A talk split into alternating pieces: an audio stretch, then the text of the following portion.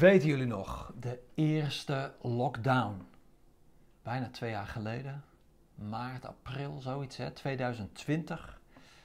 Lege straten, lege winkels, lege, alle, lege steden, overal ter wereld. En op sommige van die lege plekken kwamen de dieren tevoorschijn. Want dat gebeurt in spooksteden. De dieren nemen het over. En in een park in Londen verscheen ineens een roedel herten. In een stad in Thailand namen groepen apen de pleinen over. En op een populair strand in Amerika, waar normaal de toeristen rijen dik liggen, lagen de krokodillen te zonnebaden.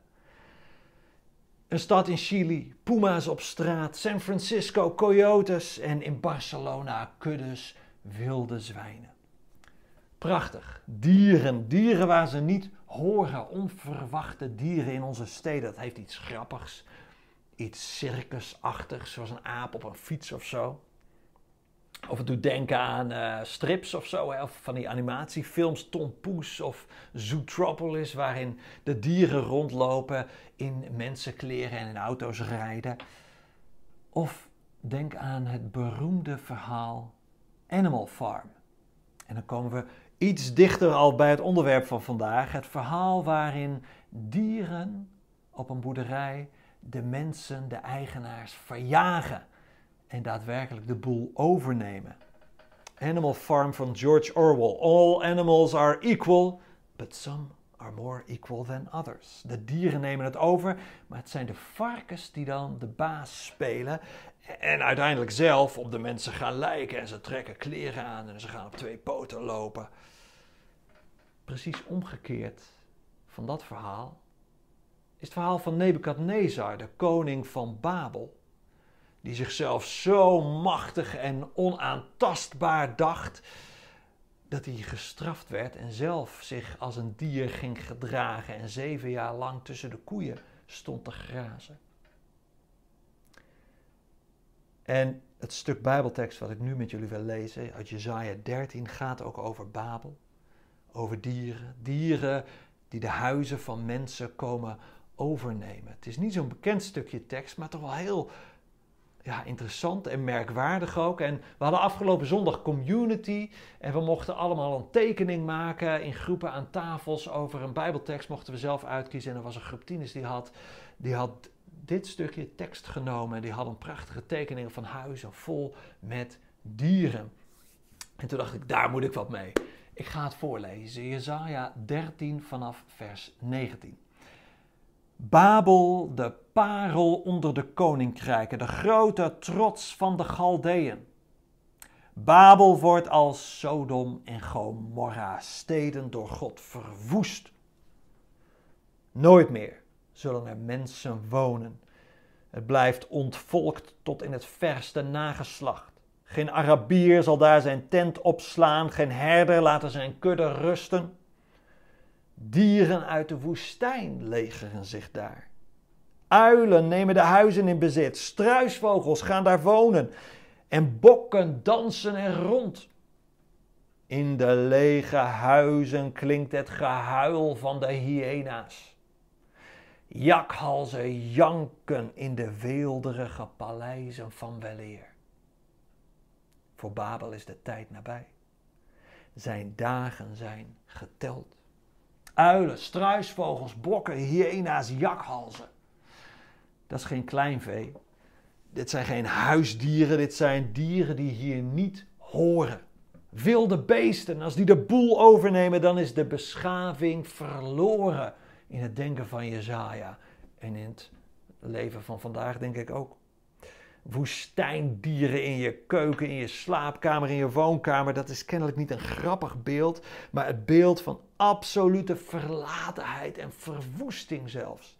Het is een straf. Waarom? Waarom dit beeld? Ik denk omdat met Babel hier gebeurt wat met koning Nebukadnezar gebeurde. De waardigheid wordt weggenomen als we de Bijbel lezen, dan lezen we er is iets wat de mens speciaal maakt. waardig, goddelijk zelfs. God maakt de mens als kroon op de schepping naar zijn eigen beeld. Genesis 1, Psalm 8. En als de mens geschapen is, Adam, mag dan ook alle dieren aan zich voorbij laten gaan en ze namen geven. Hij kijkt ze in de ogen, hij bekijkt ze goed. En het is een prachtig beeld, de dieren dicht bij de mens. En Adam geeft ze namen. En ook daar zit iets van waardigheid in. Maar er zit ook in, er is verschil tussen mens en dier. En precies daar zit de waarschuwing van dit profetische beeld.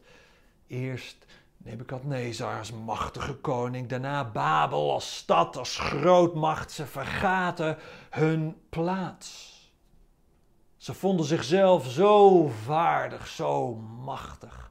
Maar ze waren vergeten waar die waardigheid eigenlijk zijn oorsprong vindt, waar het vandaan komt. En wie niet meer namens God dat beeld draagt, en wie zichzelf te groot acht, en wie de dieren niet meer in de ogen kan kijken zoals Adam, laat staan medemensen, die is zijn menselijkheid aan het kwijtraken.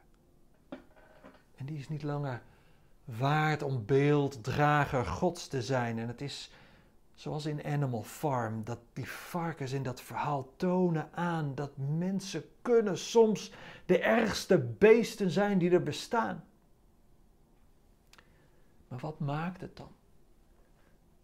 Dat mensen toch ook beelddrager Gods kunnen zijn.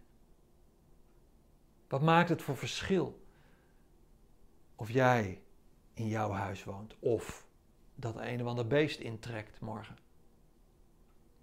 Wat maakt jou waardig? Uiteindelijk niet iets wat jij zelf doet, maar wat God in jou heeft gelegd. Wat God op jou wil leggen. Jouw verantwoordelijkheid, je plek in het leven. Er is iets bijzonders aan je. En God roept je, Hij wil het je influisteren in je denken, in je hart. Je bent waardig. Je mag leven.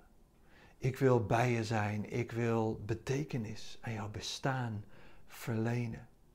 En dan sta je werkelijk op twee voeten als mens, als beelddrager van God.